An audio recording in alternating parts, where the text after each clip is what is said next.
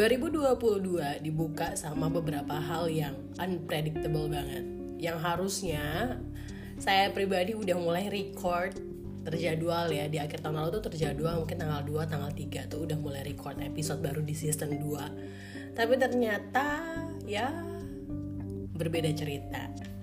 Ini lagi-lagi mengingatkan saya kalau kita nggak bisa kontrol apa pun yang terjadi yang bisa kita kontrol adalah respon kita terhadap apa yang terjadi gitu ya. Singkat cerita di awal tahun saya harus urus anak saya yang masuk rumah sakit dan masih di rumah sakit.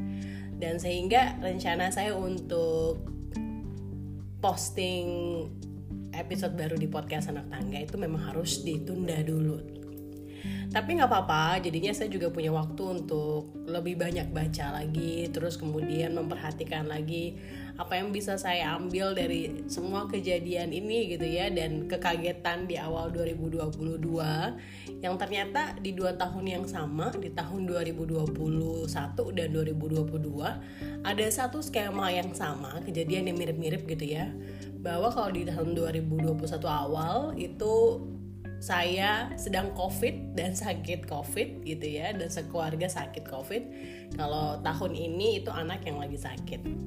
Tapi mudah-mudahan siapa pun yang lagi sakit dan dengerin podcast episode ini diberikan kekuatan untuk segera sembuh atau siapa pun yang lagi ngejagain orang sakit diberikan kekuatan juga untuk ngejaganya karena biasanya yang lebih capek itu adalah orang yang lagi ngejagain orang sakit ya enggak karena nggak bisa tidur harus bolak-balik urus administrasi harus bangun untuk bantu yang lagi sakit tapi kita di episode ini nggak akan ngomongin soal gimana cara jaga orang sakit ya. Nanti ada dokter mungkin yang lebih uh, capable untuk cerita soal itu. Tapi aku akan cerita sedikit tentang apa yang lagi menjadi trending topik di Twitter dari kemarin soal spirit doll.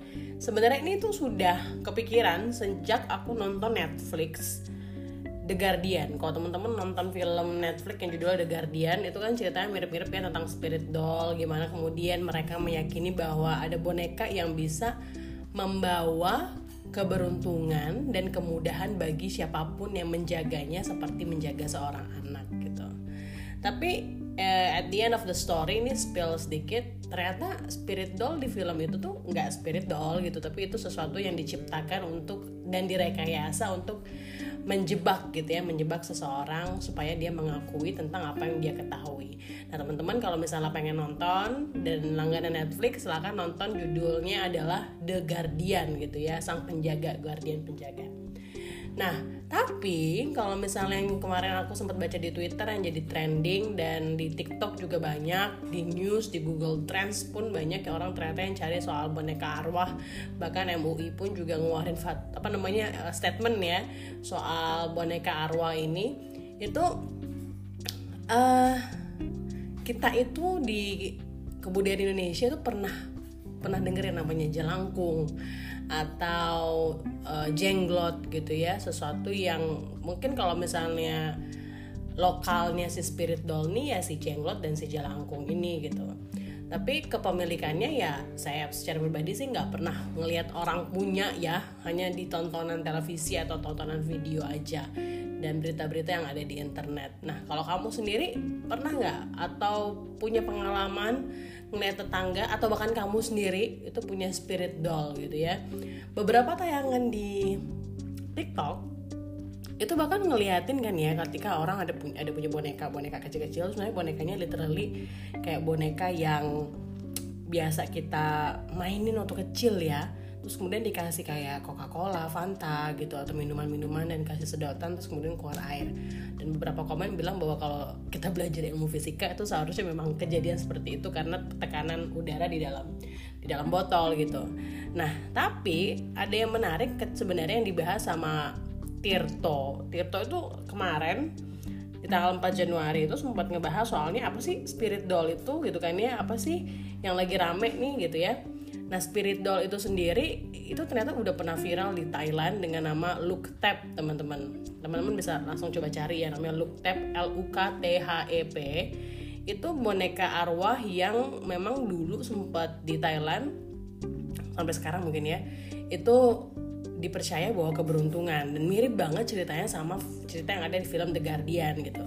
Jadi orang-orang di Thailand itu uh, meyakini Luktep ini atau kalau Indonesia dibilang malaikat anak itu dirasuki oleh roh halus terus membawa keberuntungan dan kemakmuran di masa depan. Nah dulu waktu awal-awal ngetrennya si Luktep ini itu dibawa digendong kayak gendong bayi ke mana-mana gitu. Jadi di Thailand mereka bisa ngeliat ada orang-orang yang bawa si look tab ini tuh di mall di tempat makan gitu ya. Jadi udah terbiasa. Mungkin di Indonesia sekarang trennya lagi muncul ya karena beberapa artis juga ngadopsi boneka uh, boneka bayi yang dianggap seperti bayi mereka sendiri.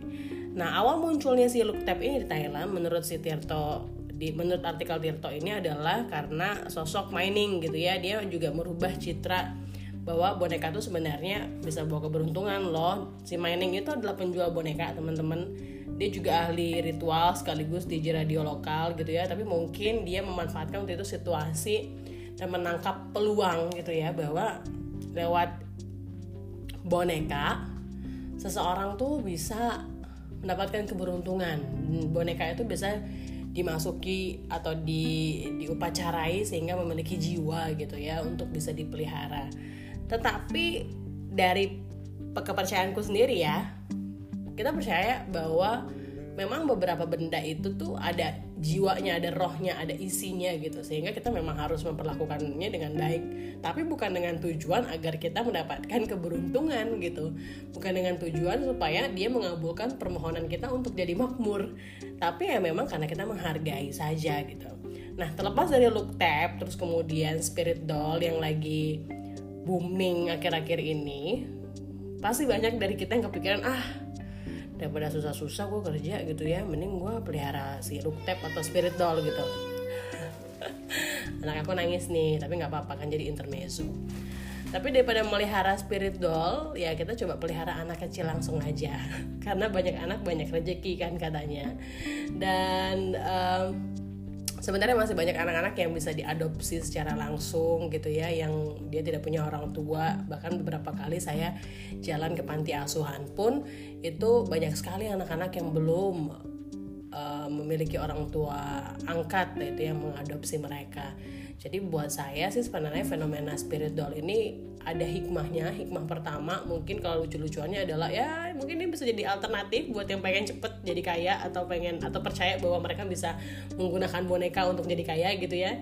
Tapi kalau misalnya uh, buat saya pribadi ini justru kayak fenomena yang mengajarkan kita bahwa sebenarnya memelihara sesuatu hal yang memiliki jiwa bukan cuma spirit doll tapi misalnya manusia anak-anak kecil yang orphan gitu ya yang nggak punya orang tua mengadopsi mereka memelihara hewan-hewan di jalanan yang memiliki jiwa memelihara tumbuhan yang saya secara kepercayaan saya itu juga memiliki jiwa itu adalah hal yang baik. Untuk apa? Untuk kita menjaga relasi yang harmonis gitu karena ketika kita bisa menjaga relasi yang harmonis terhadap manusia, kemudian kepada hewan dan kepada tumbuhan, saya yakin semesta itu akan bergerak sedemikian rupa untuk memudahkan jalan-jalan kita gitu. Ada namanya konsep karma menurut saya yang juga mempermudah seseorang untuk bisa memperoleh hal-hal yang dia inginkan atau mempermudah hal-hal yang dia inginkan melalui karma-karma baiknya. Nah gitu dulu dari podcast anak tangga. Jadi mudah-mudahan kita semua uh, apa ya nggak ikutan tren untuk membeli spirit doll, tapi kemudian mengambil hikmah baiknya bahwa kita bisa merawat jiwa dalam bentuk-bentuk yang lainnya supaya makin banyak karma baik, supaya makin lancar jalan kehidupan kita. Sampai jumpa lagi di podcast anak tangga episode berikutnya. thank you